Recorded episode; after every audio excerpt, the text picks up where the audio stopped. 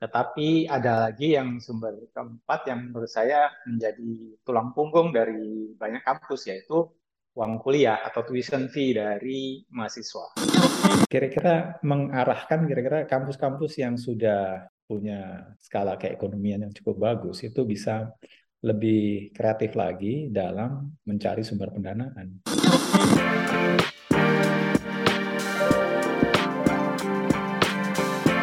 Hai sahabat TCID, kalian sedang mendengarkan podcast Suara Akademia. Ngobrol seru isu terkini bareng akademisi. Beberapa waktu yang lalu Harian Kompas menerbitkan sebuah artikel yang bikin banyak orang kaget gitu ya.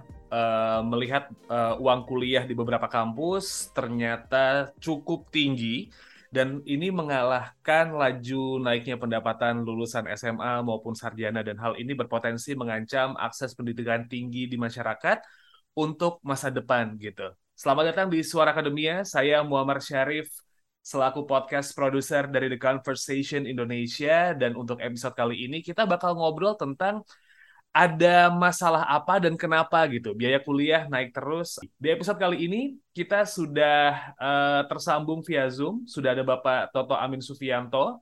Ini adalah senior fellow dari Center for Indonesian Policy Studies dan juga uh, profesor dari Paramadina University. Pak Toto, uh, kita langsung ke topik obrolan aja nih ya Pak. Uh, kalau kita melihat artikel yang memang dikeluarkan oleh Harian Kompas gitu, hmm. terus juga uh, datanya bahwa ternyata setiap tahun uh, uang kuliah itu selalu naik nih Pak.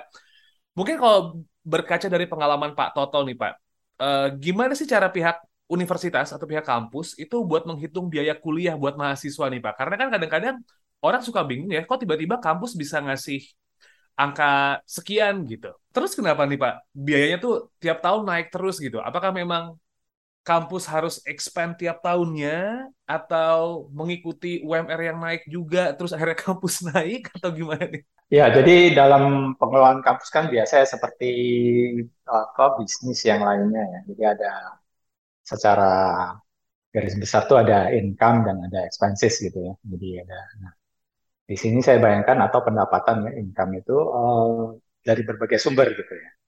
Nah, ada yang misalnya uh, dari sumbangan, ada yang dari hibah, ya, ada dari juga uh, apa apa misalnya dana dari pemerintah pusat dalam hal ini.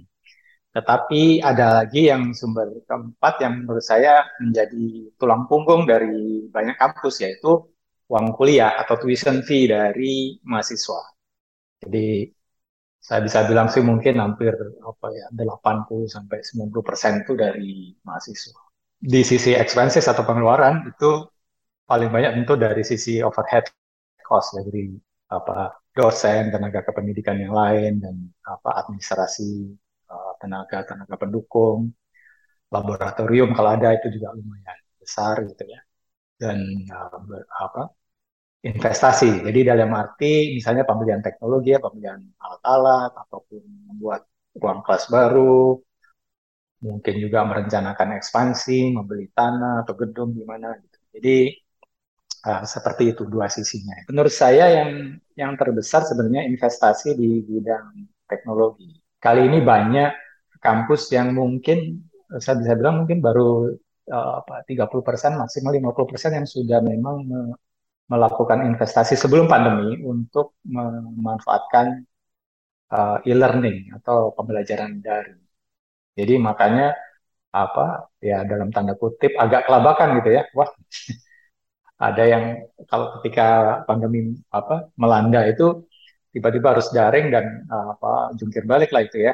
Uh, membenahi teknologi informatika di dalam kampus. Jadi buat kampus yang sudah antisipasi itu ya uh, sebelumnya saya kira uh, tinggal memetik buahnya gitu ya.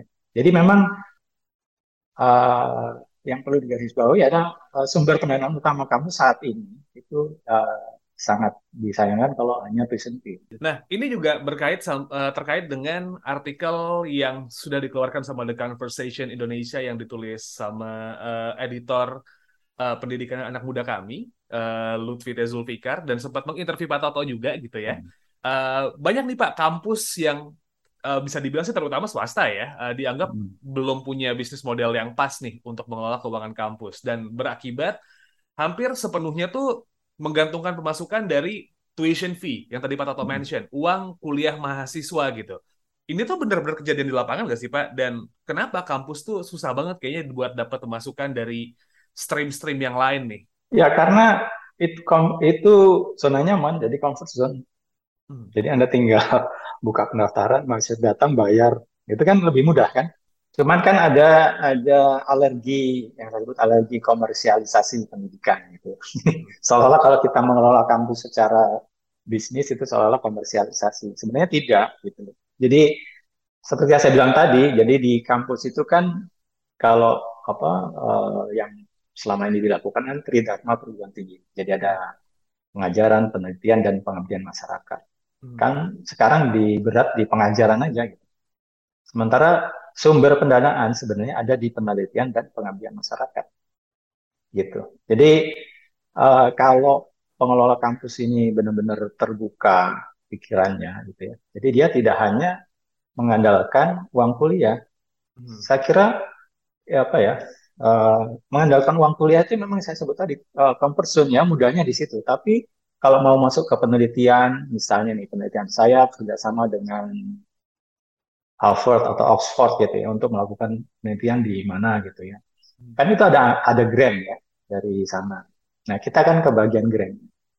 Paling tidak itu ada grant, kemudian juga itu membuat apa uh, dosen kita juga terlibat, ya dapat income tambahan, jadi nggak mengandalkan hanya salary, dan itu cukup banyak gitu ya. Jadi ada juga penelitian-penelitian dengan apa kementerian lembaga, dengan perusahaan-perusahaan swasta banyak gitu. Nah itu bisa income stream yang yang lain gitu. Di pengabdian masyarakat juga sama. Gitu. Kan banyak perusahaan punya CSR CSR yang itu bisa juga dikerjasamakan, dikolaborasikan dengan kampus. Jadi kan kebayangan mas. Jadi sumber income yang ada itu banyak gitu. Nah itu yang dijalankan dengan baik, bisnis like ya. Jadi uh, kalau kampus itu mau menarik buat mitra di luar kampus ya, mau pemerintah ataupun dunia usaha swasta itu, itu ya harus bicaranya bisnis gitu. Oke, maksudnya bicara bisnis gini, uh, Bapak Ibu kita punya inisiatif nih kerjasama apalah gitu ya, yang disesuaikan dengan kebutuhan si mitra kita, klien kita gitu. Nah selama ini kita bicaranya bukan bisnis, jadi Bapak Ibu saya punya ini, tolong didukung ya. Dok, nggak bisa dong. Apakah apa misalnya nih, apakah BUMN atau dunia usaha swasta misalnya apa, yang besar besar misalnya Astra atau Indofood kalau bapak bilangnya begitu ya udah minta aja sih asar saya kasih bukan sesuatu yang sifatnya win-win gitu ya Anda perlu apa kita customize kita agak repot tetapi itu yang menghasilkan uh, apa apa simbiosis mutualisme menjadi sama-sama membutuhkan. Nah itu biasanya sustainable, jadi terus. Saya pernah menginisiasi program yang sampai sekarang masih jalan. Gitu. Jadi karena ini needs dari kedua pihak, bukan needs satu pihak aja. Gitu. Yeah. Kalau kita punya satu pihak, ya Pak, saya benar ya tahun ini dikasih siar, tahun depan nggak dikasih lagi. Oh. Jadi karena ya udah nggak ada untungnya buat saya gitu, buat si mitra itu. Kita harus mikirin juga mitra ini butuhnya apa ya, kita sesuaikan. Ya, ah apa keahlian seperti itu yang menurut saya di, kampus-kampus ini masih kurang. Karena menganggap bisnis itu tabu atau yang satu itu saya alergi gitu ya. Soalnya kalau bisnis itu uh, uh, kita jadi terbeli atau apa. Enggak gitu. Kita tetap menjaga integritas akademik gitu. dan juga integritas yang lain. Jadi yang penting juga diperhatikan adalah ya memang mengelola secara bisnis ya bisnis like tetapi kejujuran integritas tetap dijaga siapa sih yang bisa afford tuition fee perguruan tinggi yang tinggi, kelompok masyarakat menengah atas. Jadi kita mau melestarikan uh, apa ya jurang antara kaya dan miskin kan. Hanya orang-orang kaya aja yang bisa kuliah. Padahal di lapisan bawah ini juga perlu naik ke atas kan. Jadi keberhasilan ekonomi Indonesia di tahun 70-an itu karena di tahun 60-an banyak anak dari kelas bawah masuk ke kelas menengah atas karena skema-skema pendidikan tinggi yang uh, apa, sangat memudahkan kelompok uh, menengah bawah masuk ke perguruan tinggi. kenapa tiba-tiba sekarang ketika seperti saya dan apa generasi teman-teman saya itu yang sudah masuk ke menengah atas tiba-tiba menutup peluang untuk anak dari kelompok menengah bawah untuk masuk ke situ dengan membuat membiarkan apa biaya uang kuliah yang tinggi. Saya kira itu. Um, kalau di reportase nih Pak, kalau dibaca artikelnya gitu, Pak Toto mention kalau misalnya ada tekanan jadi kampus kelas dunia nih, ditambah dengan tuntutan akreditasi, habis itu banyak lagi kampus ini kayak berlomba-lomba buat nyontek perkembangan dan juga investasi ala kampus luar negeri. Tapi lupa gitu ngelihat uh, praktek-praktek sustainability-nya gimana. Ada nggak Pak contoh yang baik gitu tentang sustainability kampus di luar negeri? Kayak nggak sepenuhnya nih membebankan income ke tuition fee gitu Pak? Hmm, hmm. Sebenarnya banyak, jadi uh, tergantung negaranya ya. Jadi ada negara yang memang sangat dominan uh, kontribusi pemerintah, misalnya seperti di Jerman gitu ya. Jerman tuh sampai apa uh, gratis gitu ya mahasiswa nggak usah bayar. Karena memang semua beban itu ditanggung pemerintah.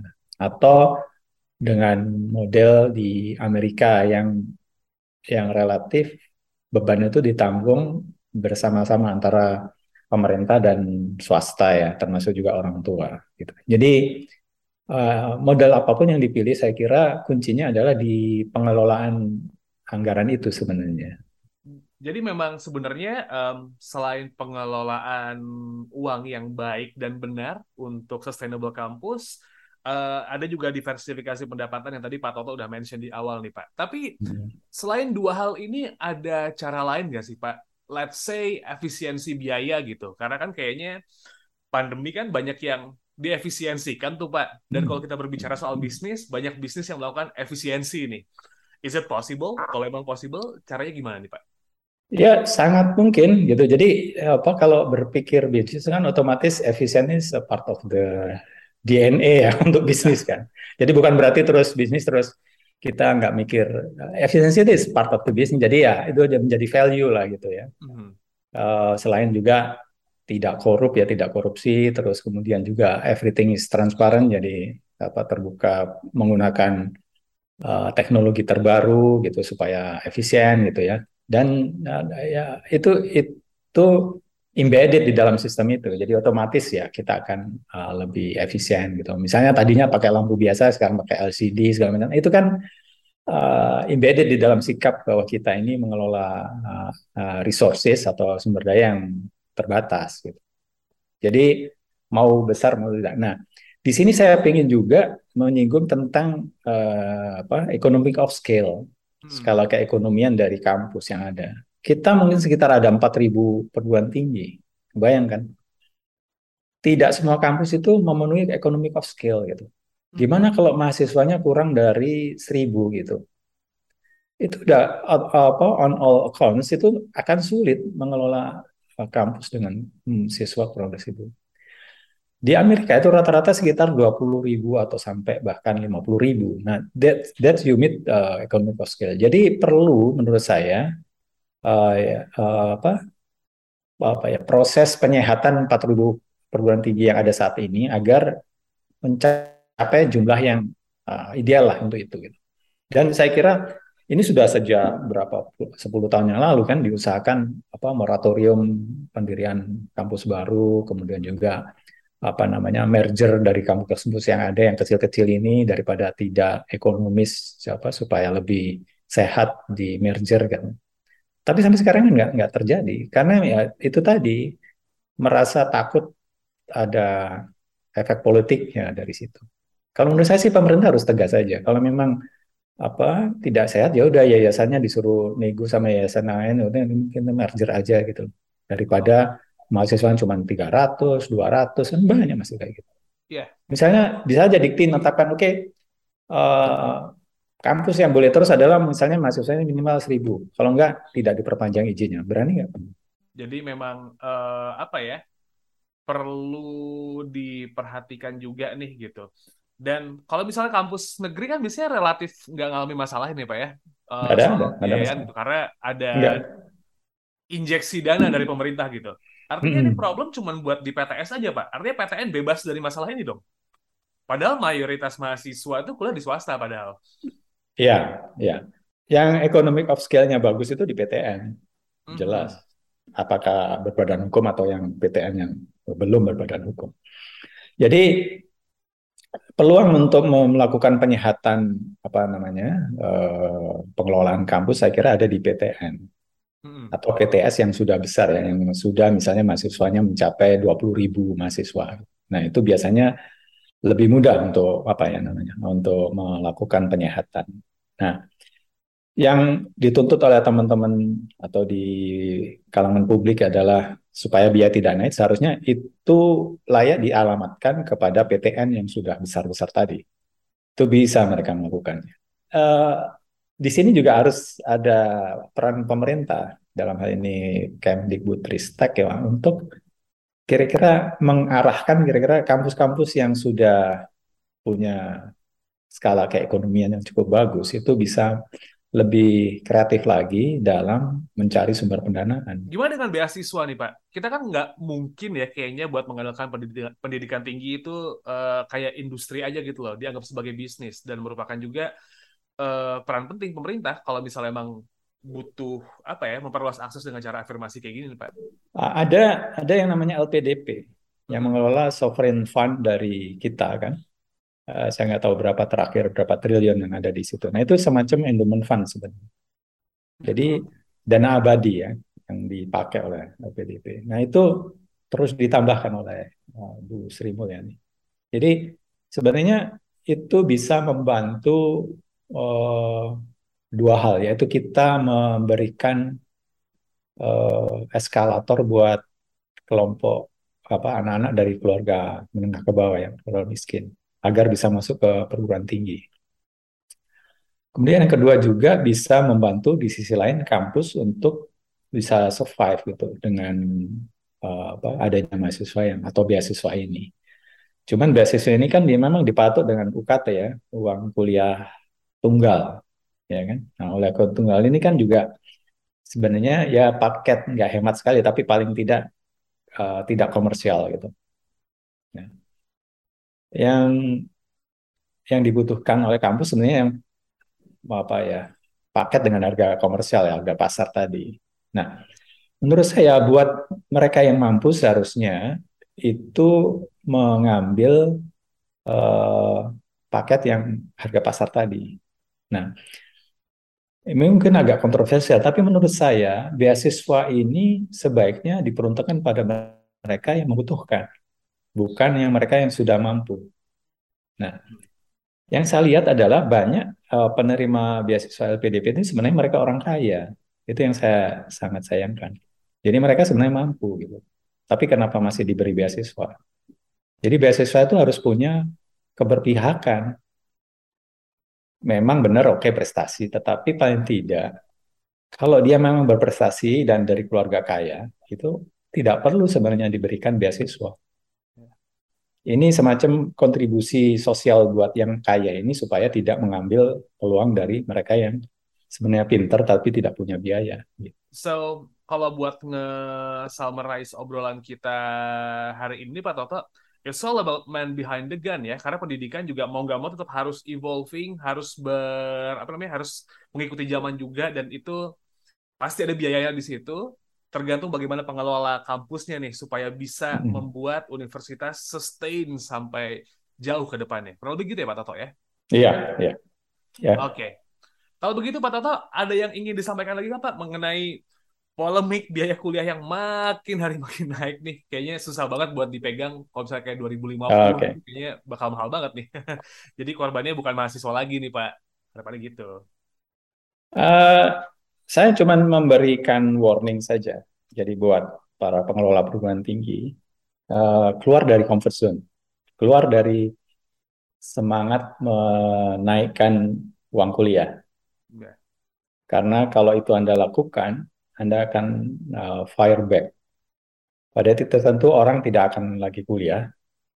Mereka akan cari jalan alternatif. Ini namanya juga uh, mekanisme pasar ya dan saya sudah melihat beberapa alternatif itu cukup meyakinkan.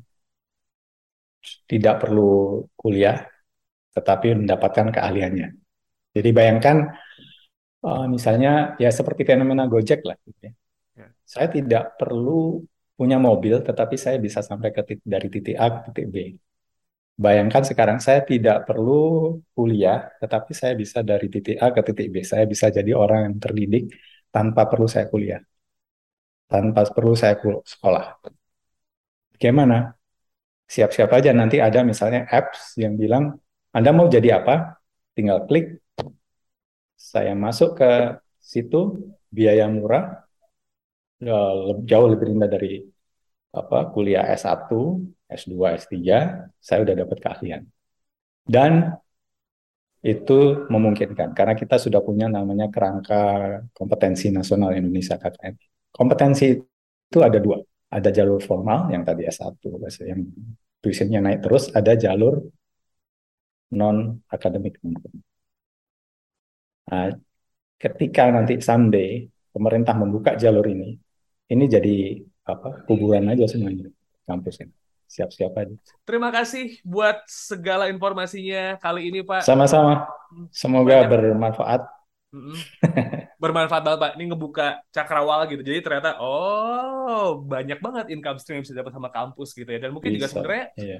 banyak kampus yang udah ngebuka juga ya Pak ya. Kalau ngelihat iya. uh, kampus-kampus yang punya uh, let's say unit usaha yang lain-lain yang akhirnya mm -hmm. bisa menghidupi kampus juga sudah iya. banyak gitu. Iya. Oke. Okay. Iya. Terima kasih Pak Toto. Uh, Sama-sama. Informasinya. Uh, it's such an honor for me buat ngobrol hari ini dan juga buat, my pleasure uh, and my honor too.